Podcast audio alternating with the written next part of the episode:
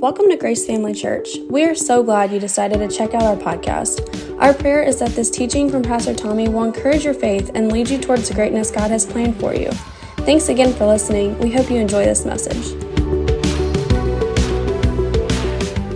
This Saturday at 9 a.m., the 28th, uh, our men are back in action, and Bill is back from weary traveling, uh, and so we're glad to have him back. And so he'll be leading our men this coming Saturday, the 28th. And um, I had uh, my niece uh, Kendall reach out to me, and then to not, uh, she just felt like that the women were being sort of outdone by the men.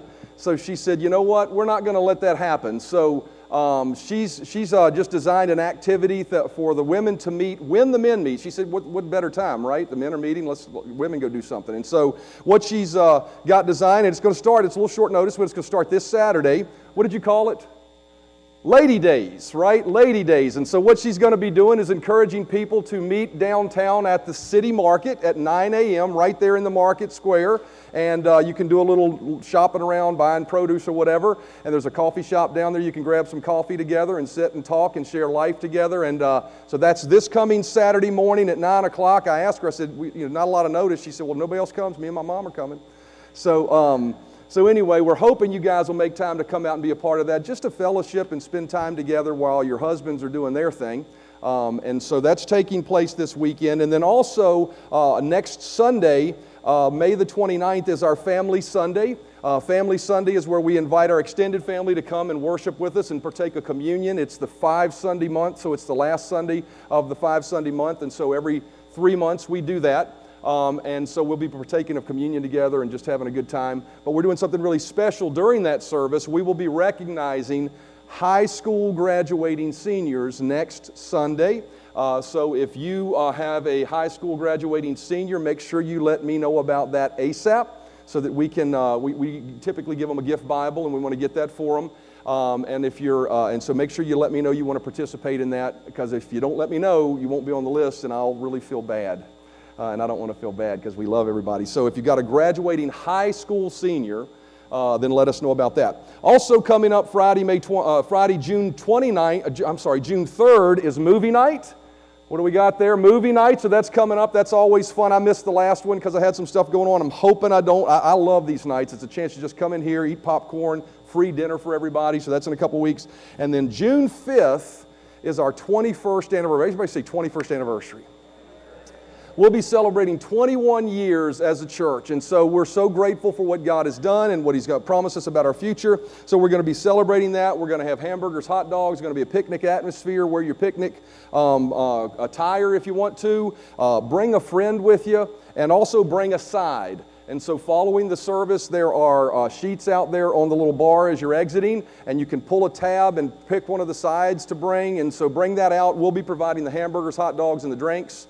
And it's just going to be a fun time for us to celebrate after church, just real quickly, 21 years together. So, a lot of stuff going on. Say, how do I keep track of all that? Well, I send out at the first of every month, typically, a calendar for the church. If you're not on our email list, then you don't get it. You also can actually look outside in the lobby. There's a calendar out there. We just got it updated for May, a little late, but you can see all the dates there every Sunday when you come in to see what's coming up in the coming week. Amen. All right, uh, I want to uh, continue the message that we've been uh, talking about. Uh, we've been doing a series called The Space Between Amen and Hey, It's Here. And really, what we've been talking about is, you know, uh, several, uh, you know, it, how many of you realize life, the, the, the, everyday here and now of life, may not be quite as exhilarating as a high moment in praise and worship like we just had? How many of you realize that? The, I, I, call that the dirty here and now. You know, the day to day living that we have in our life. You know, we'll have a moment maybe where we say amen to a promise of God that we're believing for and we confess and believe that it's ours, and then we got to walk out life before that promise shows up sometimes. Also, we have maybe a high moment on a Sunday morning where we're worshiping God, but then you get up Sunday morning, you got to go to work, right? What do you do between the amen and hey, and here, hey, it's here in your life? And I wanted to talk about those moments and how we conduct ourselves. And Isaiah chapter 28, verse 16, sort of lays out for us a very core principle of what we should do during those days. And so let me read that verse of scripture and then we'll pray and then we'll share what the Lord has for us today. It says, So this is what the sovereign Lord says See, I lay a stone in Zion, a tested stone, a precious cornerstone for a sure foundation. The one who trusts will never be dismayed. Let's pray before we get started. Father, thank you so much for your word. We thank you for just the wonderful atmosphere of your presence here today, and we acknowledge that, and we just ask you to continue ministering to us. So I ask you to use me in this moment where we come to your word to speak life through me to your people. Uh, let your words be my words, and the ones that I have planned that are not mine, just eliminate them.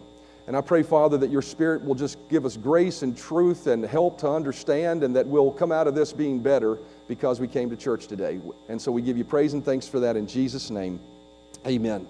You know, Isaiah 28 and verse 16 says there that there is a sure foundation that he's laid. And he said, if we put our trust and we, we grasp to and we embrace that sure foundation, it says we will never be dismayed in the NIV. In one translation, it says that we will not make haste. That word dismayed means this it means we will not hastily run away or relinquish one's present commitment to something. And so, what that verse is saying is, is if we establish the foundations in our life and we practice them day in and day out, we won't run away from, first of all, and most importantly, our commitment and love for the Lord Jesus Christ. We won't get dismayed. We won't get disenchanted if we have the right foundations on the inside of this. What sort of prompted this message for me was a little bit of this that, you know, I believe sometimes, and I talked a little bit about this last week, that we can serve God oftentimes for what He does for us instead of who He is. And it's very great. I'm, I'm so grateful for what he's done for us. And first and foremost, that he, Jesus shed his blood for us. But at the end of the day, you know, our commitment and our life should be, Lord, I'm going to follow you whether I get anything or not because Jesus died for me, and that's it. I'll run through fire if I need to. Amen? Amen. And so, what we've been talking about is these foundational things are things you do when you don't feel like doing them sometimes. They're things you just practice day, and when you get up, you put your feet on the ground and you do these foundations. And so we've been talking about some of those. And so one foundation number one that we talked about, and I'm not going to spend a lot of time reviewing because I've got a little bit of information to cover this morning with you. But um, foundation number one was this: the basis for our entire Christian life should be God's word. Everybody say God's word is the truth. At the end of the day, we have to establish our life based on the Word of God. We can't let it be our experience. We can't let it be what we're going through to determine, hey, maybe this is God's will for me. No, we have to look to the Word of God because the Word of God gives us the guidance of how we should live our life. And every experience we have, every opinion we have, every theory we have needs to bend itself to the counsel of God's Word. And so, one of the things we've got to practice is living our life allowing the Word of God to guide us and not our feelings. Number two, we pointed out that we, uh, foundation number two is that we've established is that God is good. And God being good should always be our true north. You know, uh, the, the scripture tells us in Psalm 100, verse 5, it says, For the Lord is good and his love endures forever. His faithfulness continues through all generations. When we go through difficult moments and difficult times, we need to understand that God is the good one in the equation, He's not the bad one. How many of you realize when you go through bad times, God isn't doing something bad to you to teach you something?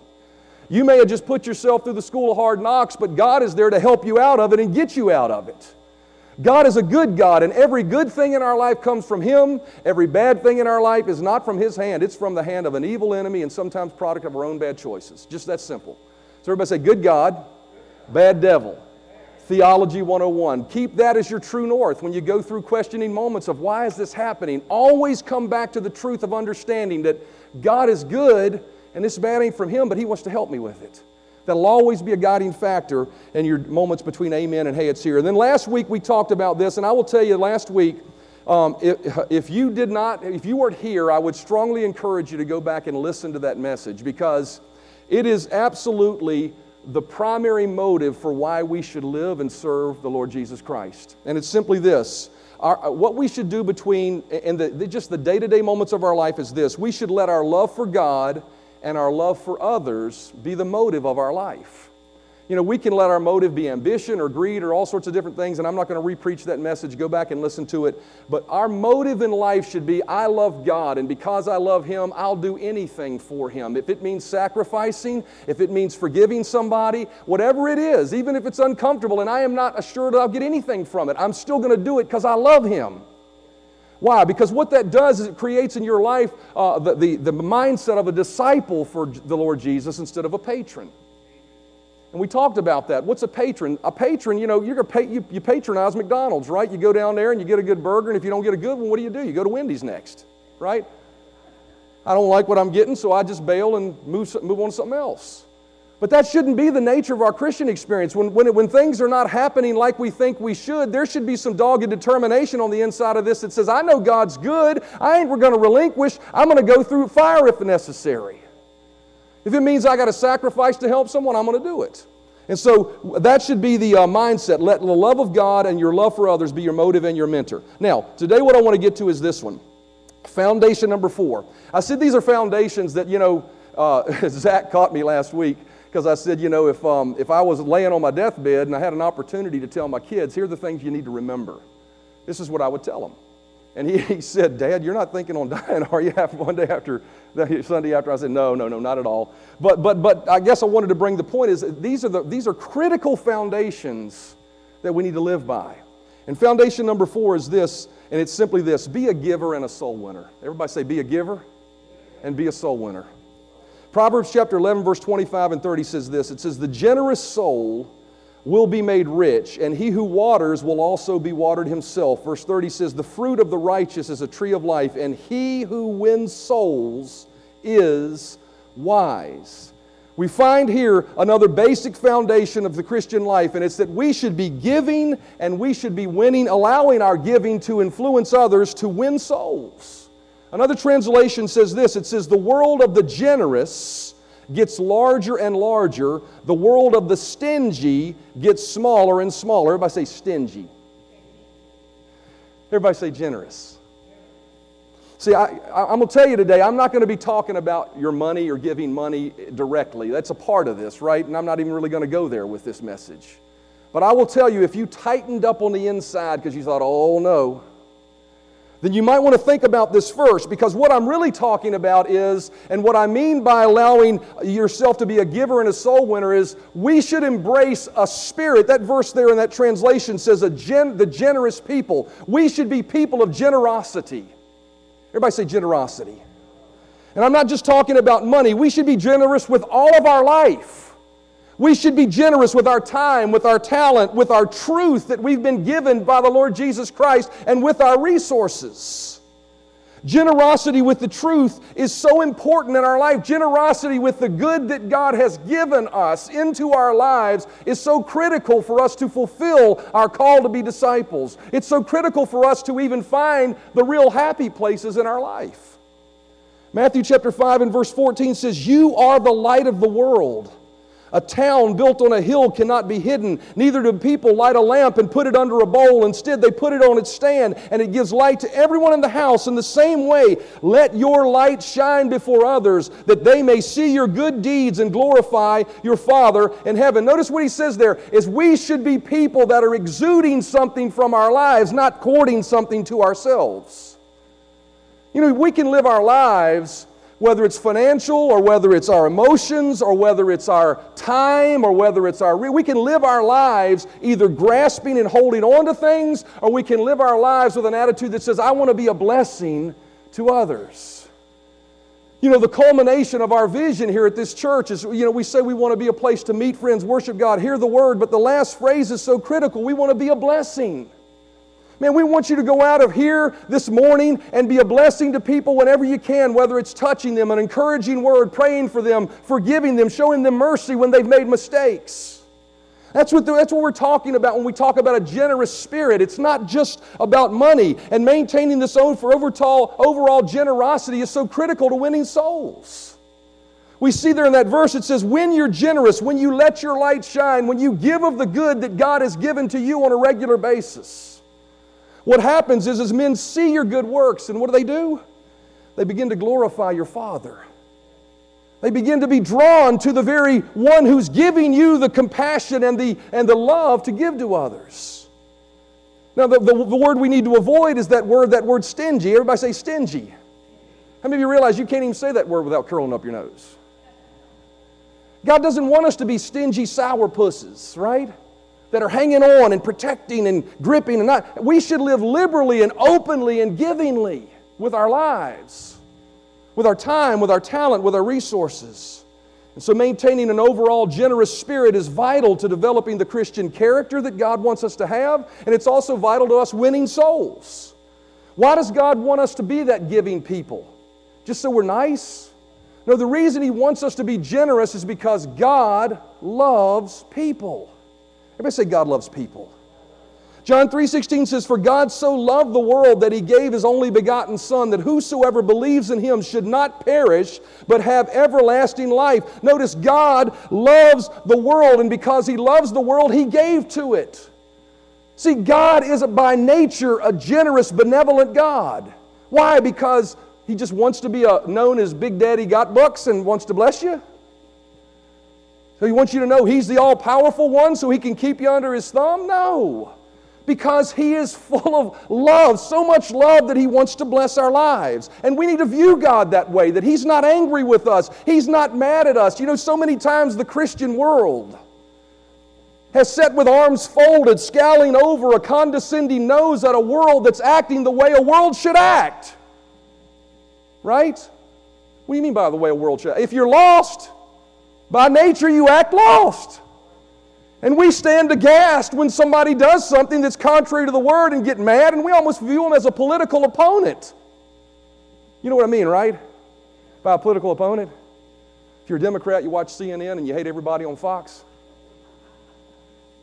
And if you're a Republican, you watch Fox and you hate everybody on CNN. Christians, though, look at the world that way, and we shouldn't. The world is not our enemy. The world and every person that's living, breathing on this planet, Jesus gave his life for and he loves them. Doesn't necessarily mean that what they do, do may be right or align with his word, but God wants to reach them in spite of those things. For God so loved the world. God is of a nature that is very benevolent. And we see this in Jesus even when he was on the planet. Matthew chapter 9 and verse 36 says, But when Jesus saw the multitudes, he was moved with compassion for them because they were weary and scattered like sheep having no shepherd. Then he said to his disciples, The harvest truly is plentiful, but the laborers are few. Therefore, pray the Lord of the harvest to send out laborers into his harvest. When we talk about a generous spirit, we see it in the person of Jesus because every person he saw, he didn't think about himself. He looked through them to see and try to find the needs that they had. When he saw the multitudes, it says it moved him with compassion. When I talk about being a generous person, are you moved by your generosity every day of your life? Are you looking at the people that you meet not as pawns on a checkerboard to get you to where you want to be? Pawns on the checkerboard, that's a chessboard. Sure is what I know, right? But not pawns on a chessboard to get you where you want to be, right? You see them as individuals, living, breathing human beings for whom Jesus died. And we should view every situation we enter into as by, by, by trained to be as perceptive as Jesus was when he saw these multitudes coming. It says he saw them and he was moved. Why? Because they were weary and scattered like sheep having no shepherd. See, whoever it is, when you see your brother and sister here on Sunday mornings, you know, are you looking at them and listening to them to hear if there's a need that you possibly can meet? Is that the way we live? See, that's the generous spirit I'm talking about. It has nothing to do with money. It has everything to do with a heart that wants to give of the love of God that lives on the inside of us. Jesus saw the weary and scattered, uh, the weary and scattered. Do we see the world this way? Jesus did. It compelled him to embrace a compassionate attitude and exude something from his life that moved him. Not only did it move him, but he encouraged us in that verse of Scripture that we should pray that others would have that same attitude. Notice he said, Pray for the Lord of the harvest that there would be laborers. You know, so what is he saying there? He's saying that, you know, the same compassion that sees the multitudes, we should be praying, Lord, send people to the world that care for them and don't view them as an enemy. In Mark chapter 16 and verse 15, we, tell him, we see him commanding us to be the answer to the very prayer he asked us to pray.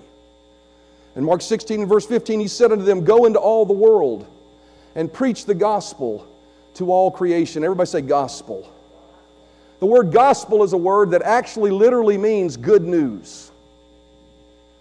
He said, Go into all the world and let the world know the good news. What good news? That God loves them and wants to help them with their life. Whatever your pain is, whatever your trouble is, whatever your family life that may be causing uh, stress for you, God wants to help you with it. And if we understand how much He wants to help us with it, and we express that through the generosity in our own hearts to others, it will draw people to that. But I got to tell you, you can't do that without a generous spirit. You cannot be a soul winner. You cannot be a giver. You cannot, be, you cannot do that without generosity. Why? Because you're too busy thinking about your own stuff. Too busy trying to figure out how to get what you need, or too busy trying to figure out how to hang on to what you got. You know, and we, unfortunately, sometimes we live our lives that way, but Jesus told us to be the exact opposite. I mean, this is going to seem almost foreign to some of us when we read it, but notice what it says in John chapter 6 and verse 30 and 38. He says, Give to everyone who asks of you. What an extreme statement. Give to everyone who asks of you, and from him who takes away your goods, do not ask for them back. Give and it will be given to you. Good measure, pressed down, shaken together, and running over, will it be put into your bosom. For with the same measure that you use, it will be measured back to you. Jesus told us to be of a generous spirit. And He's not just talking about money, He's talking about anything we have, and not just material things. How many of you realize sometimes people need forgiveness? People need mercy instead of judgment. And in those moments, we need to be willing to relinquish the mercy and grace that God has given us to those that are around us at times. We'd avoid a lot of arguments that way. Amen. Verse 38 says that we can give like this. Why? Because we have the assurance of knowing that when we give with that kind of generosity that just says, I love you so much that I'm willing to bless you, regardless if I ever get it back from you. Says we can give that way easily because we understand something. What? That it'll come back to us. Good measure, pressed down, shaken together, running over. Right? See, what that verse tells us is that when we give, there's more where that came from. Everybody say, more where that came from. To be a generous person, you have to live from the mindset of there is more where that came from. You know, I remember as my kids were growing up, and they're sitting here today. And I remember when one of my kids wanted to borrow something from another kid, invariably they, no, that's mine. Right? And I, my mindset was just let them have it. Why? Because there's more where that came from. I'll get you another one. Right? And what Jesus is saying here, and this is something that challenges our faith, because if you don't understand this or you question this, you need to dig into this because it will change your liberality. It will change you to a generous person when you understand the truth that when you give, even if it looks like you've given your last bit, that God is willing and will make sure that it's not your last bit. Didn't get a single amen on that one.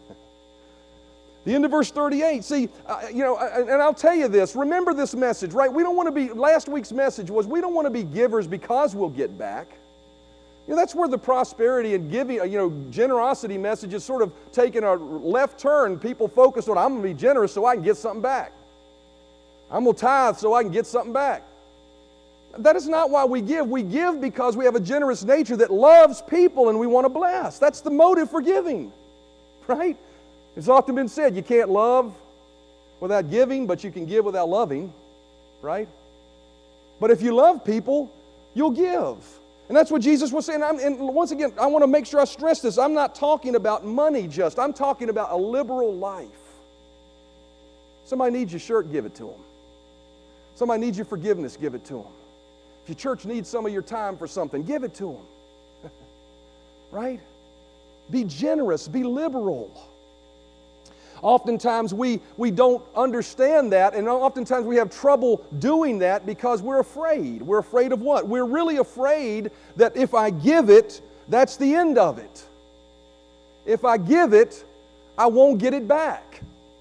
But Proverbs chapter 20 and verse 22 says you're not protecting actually your investment. You're not protecting your possessions. You're not ensuring your future and security by being stingy with what you have. You're doing the exact opposite. The stingy are eager to get rich and are unaware that poverty awaits them.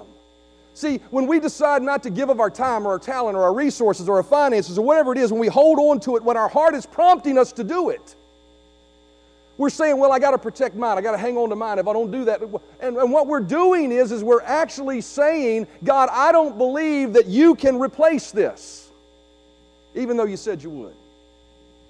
Amen. We need to remind ourselves of something that when we live from a generous heart, we are giving from a river, not a pot. Everybody say, giving from a river, not a pot. What do I mean by that? I mean that when you are living a generous life and giving of yourself, there is a flow from the very throne of God of provision that ensures that what you give won't run out. I'm getting through your carnal mind to your spirit with something this morning. I have seen this in my life.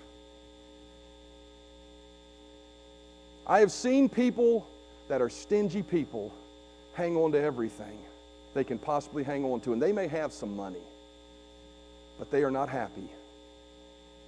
There is not a flow of something coming through their life. There is not a flow of, of refreshed blessings coming through their life. It's an entire life of guarding and protecting. And, and that's not the way God wants us to live. He wants us to be a light on a hill, right?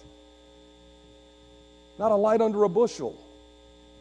Philippians chapter 4 and verse 18 says, I indeed, speaking to the Philippian church, they had, they had actually, even out of their own necessity, they gave from finances it appears that they didn't even have to give in this situation to Paul's ministry.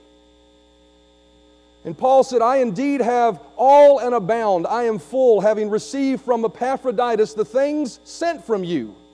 And he says in verse 18, though, he says this, he encourages them, and my God shall supply all your need according to his riches and glory by Christ Jesus. See, what did he say? He said, When you live as a generous person, when you give of your time, when you give of the gospel, when you give of the truth, when you give of your forgiveness, when you give that, my God, whom I serve, will make sure that you will be provided for, not according to what you have, but according to his provision. That is God's promise. That is just as much a promise as if you confess your sins and, and, and believe in your heart that God has raised him from the dead and confess him as your Lord, you're going to heaven. Just as much as you can be sure that you've accepted Jesus and going to heaven, you can live your life sure of there's more where that came from. You can live your life that way.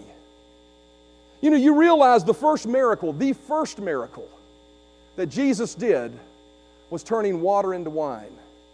You know what the big difference in the mindset of Jesus was and the, and the attendants to the pots were? The, the attendants were giving from pots, Jesus was giving from a river. See, they looked at the pots and said, Pot's empty, no more wine. Jesus looked to the river and said, Wine's still flowing if we can just give it. See, God wants us to be people of generosity.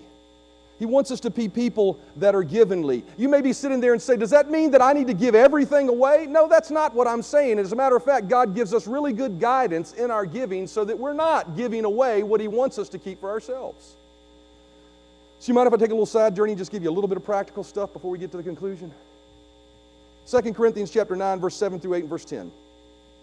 Paul said this to the Corinthian church. He said, So let each one gives as he purposes in his heart, not grudgingly or of necessity, for God loves a cheerful giver.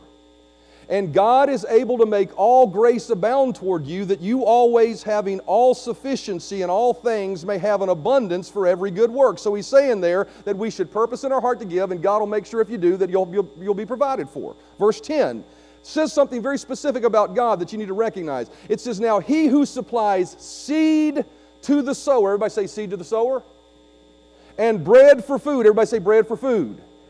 Supply and multiply the seed you have sown and increase the fruits of your righteousness. So it tells me a couple things. First of all, he gives you two, he gives into your life two, two, two types of things. He gives you seed and he gives you bread. Seed is to be sown, bread is to be eaten. So one of the first questions you have to ask yourself when you're giving is, is am I giving away something that God has given me for, for me to keep for myself? That's not selfishness. That's just honestly evaluating before God what He's provided, right? So ask the question first. Am I giving away bread or am I giving away seed? And if all you're doing is eating bread, then you really need to try to figure out a way to find some seed, even if it's a penny.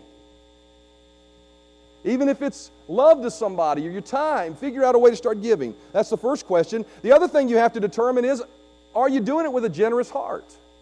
Notice it says there God loves a cheerful giver. So here's, here's one, here's one uh, litmus test for your giving, and should you give it away? If you give it away and you're like, ah, I really didn't want to give that, don't give it. Why? Because your heart ain't in your giving. Right? I really don't want to go down there and be a part of that. Don't go. You say you just sit at home, uh, you shouldn't just push yourself at times? No, what I'm saying is, is you need to check your heart. And if you can't give where you're cheerfully doing it, then get your heart right until you can give cheerfully. Honestly. So if I stand up here and talk about a need in the church, I mean, this, I didn't plan on saying this, but if I talk about a need, building fund, youth group, and your heart ain't in it, don't give it. I don't want you to give it. God don't want you to give it. Because I'll tell you this if you're living in the right place with God, he will speak to you when it's the right time. And your heart will exude from you something that says, I got to do this. I got to go tell that person. I got to go forgive that person. I got to go share the gospel. I got to share these finances, whatever it may be. I got to buy that person's groceries. Right? I got to do that. Last thing you really need to ask yourself is a real simple one is this Am I giving away Caesar's money or have I given away God's money? Everybody say Caesar's or God's. Remember, Jesus said at one point, Render unto Caesar what is Caesar's, unto God what is God's? That was a principle he was sharing. And what he was sharing was if you owe somebody money, then that's their money. It ain't your money to give away. Amen. Amen.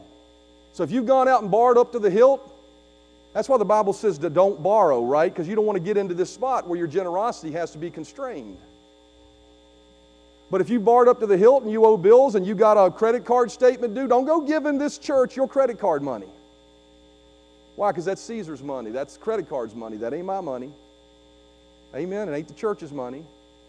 It ain't the kingdom of God's money. What you need to be doing then is figuring out a way how can I get myself out of this situation so that I can give more and be more liberal and just give what you can, right? That's an easy way of living life, right? I ain't some preachers to stand up here and twist your arm and say, give till it hurts. No, give when you're happy to give it. Look in your heart and ask your heart what the right thing to do. And we're not just talking about money once again. Why? Why do we need to be givers? Because people need the Jesus that's inside of you. People have spiritual, material, emotional needs that need to be met, and they only are met through the people that God has placed on this planet in whom He's planted Himself.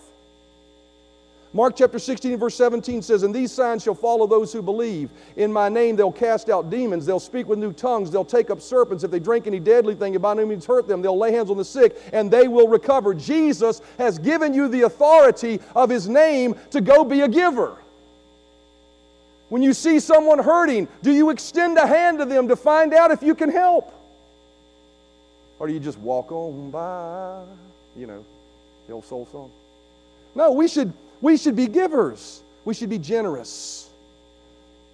2 Corinthians chapter 1 and verse 4 tells us not only do they need us to give what the gospel says we should give, you know, healing and the gospel and the truth, but here's something we really need to understand this morning and why I'm encouraging you to have a generous spirit. It's because the world needs your uniqueness. Look at your neighbor and say, There ain't nobody like me in this world. Now, if you're sitting next to your spouse, hopefully your spouse said, You got that right, baby. I'm so glad I got you. There's nobody like you in the world. Nobody. You need to understand this. That just because you're not like somebody else, just because you're not maybe as eloquent, or maybe just because you don't do the, it doesn't matter. There's no one like you. And if you have Jesus in your heart, that uniqueness, I'm telling you, there are people that you're going to touch in your life that they need that. And if you can't be generous, they won't get you. This may seem arrogant, but it's only because Jesus lives in you. But I want you to say this with me. I want you to say, I am a gift to the world. Now, not because you're something special, but because the one who lives in you is something special, and because the way He created you, He made you special. See, 2 Corinthians chapter 1 and verse 4 says this. It says, He, speaking of God or Jesus, always comes alongside us, and the Holy Spirit, comes alongside us to comfort us in every suffering so that we can come alongside those who are in any, are in any painful trial and we can bring them the same comfort that God has poured out upon us. You realize that when you go through difficult times and you lean into God and He brings His grace into your life and He helps you through it, He in that moment not only has helped you, but He specifically equipped you to help someone else that will go through that in the future. And I would ask you a question this morning. Have you ever considered your most painful moments and ask yourself, God, do you want to use what you showed me in those moments to help others? And are you using it to help others? See, that's a generous spirit, not keeping it for yourself. Why else should we be givers? Not only because people have needs, but fi- uh, finally, this people have a date with eternity. Inevitably, every one of us are terminal. That's the good news this morning. I mean, you realize one day all of us are going to breathe our last breath and we're going to step into eternity. One of the reasons we should be givers and of a generous spirit with everything that we have is because people need the Lord, not just in the here and now, but they need to prepare their hearts for eternity. This is what the gospel says. This is what the truth says. Jesus said to them, Go into all the world and preach the gospel to every creature. He who believes and is baptized will be saved, but he who does not believe will be condemned. See, what he says is, is that Jesus came and did every, God did everything he could to save. people say, well, how would a good God let somebody go to hell? He didn't. He sent Jesus. He threw the life preserver out. He said, here it is. If you just accept Jesus into your heart, you commit your life to him and do your best to follow him. If you do that, you don't have to go to hell. But the reality is, the way, God, the way this whole thing is set up is people will either go to heaven or hell. There is a hell to shun, and there is a heaven to gain. And it's our responsibility as believers to be generous people with the truth to share that with people. Not in a negative way, not in a condescending, oh, you're going to hell, you old sinner. No, not like that, right? No, God loves you so much and wants to be a part of your life to the point we just open up our hearts. Not so people are purchasing fire insurance, but because they love God. Right? So we need to be generous people as the musicians come. Proverbs chapter 11 and verse 25 and 30 says, The generous soul will be made rich, and he who waters will also be watered himself. You know, I'm going to stop there for a moment while they're coming. I, I almost said this before, and I didn't really go down that path. Some of the most blessed people I've seen in my life are the most giving people I've ever seen in my life. They may not have all the money in the world, and they may have all the money. I'll tell you this too some of the most prosperous financial people I've ever seen in my life are the givers. It's, been, it's amazing to me. I've had the privilege of pastoring this church for 21 years, but also working in the secular world. And, and you know, some of, now, some of the people that I've seen at heads of large, multi million, sometimes billion dollar corporations, at the very head, some of those people are very generous people. They're giving their time, they're giving their resources, they're helping people, they're, they're, they're giving finances benevolently, whether they know whether they're doing it or not, right? They're just the way they are. And yet, what happens many, and then I've also found there are people that may not have lots of money, but there are people that are strict, I mean, just, just blessed people, happy people in life. Why? Because they're of a generous nature. They just, they just giving. And they're keeping that flow of God's blessing moving through their lives. The generous soul will be made rich, and he who waters will also be watered himself. The fruit of righteousness is the tree of life, and he who wins souls is wise. What do you do between amen and hey, it's here? You be a giver and a soul winner. You be person of a generous spirit. We find a great story of this in the story of the Good Samaritan, and I'm going to close with this story.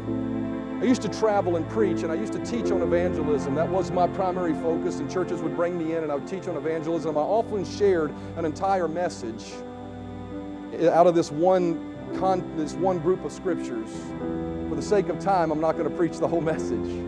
But I want you to see something in the story of the Good Samaritan. Jesus encouraged us to live our lives like this Good Samaritan. And what he said was, as in reply, Jesus said, A man was going down from Jerusalem to Jericho and he was attacked by robbers.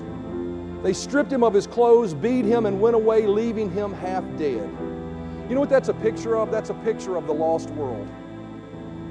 People are born into this life innocently, and then what happens? An evil enemy influencing an evil world and evil things brings hurt and pain into our life many times in people's lives and leaves them laying on the roadside of life. They may look good on the outside, they may laugh and giggle with their friends, but on the inside, they're hurting because of the life they've had to deal with. And what it says there is a priest happened to be going down the same road, and when he saw the man, he passed by on the other side. The priest, the one that had the truth, wouldn't help him.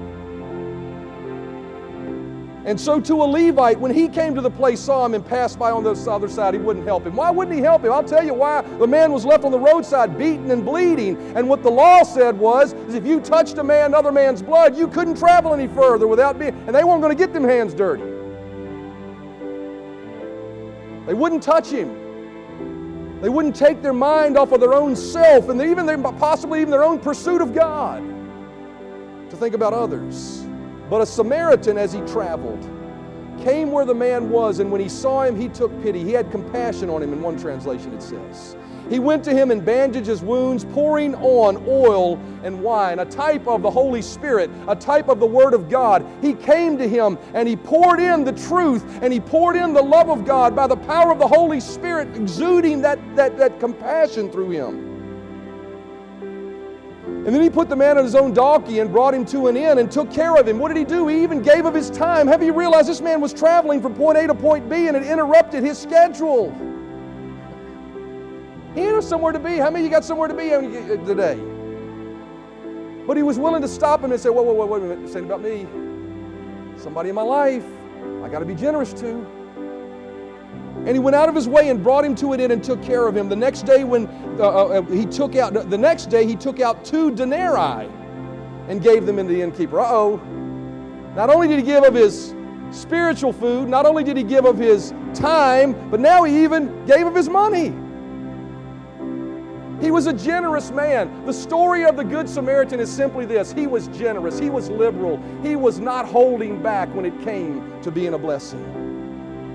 The next day he took out two denarii and gave them to the innkeeper and said, Look after him. He said, When I return, I'll reimburse you for any extra expenses you may have. Man, he went the extra mile. This Samaritan was a generous man while others weren't. And God has called us to live a life of generosity. What do you do between amen and hey, it's here? What do you do in the dirty here and now when you're waiting for your next blessing, when you're waiting for your next high moment with God? What do you do? Be a giver, be generous, be a blessing, share the gospel. Let your light shine in every moment that you can. The generous soul will be made rich, and who waters, uh, he who waters others will also be watered himself. The fruit of the righteous is a tree of life, and he who wins souls is wise. Bow your heads with me. Father, I thank you for your word. I thank you for the truth. I've done my best to share what you gave me to share today. And I pray, Father God, that people would hear my heart and hear your heart. That this is not about money, this is about our hearts. This is about being giving, generous people. Not protecting ourselves, not protecting ours, not striving and fighting to get ours, but looking for every opportunity to be a blessing with wisdom and guidance from you. I thank you, Father God, for helping us be generous people, being givers at every chance we got. Thanks for listening to our Grace Family Church podcast. We really hope you enjoyed this message. If this ministry has blessed you in any way, we would love for you to get connected. Just go to gfcva.info to learn more about who we are, how to give to this ministry, or how you can get involved. Thanks again for listening, and we hope to see you soon.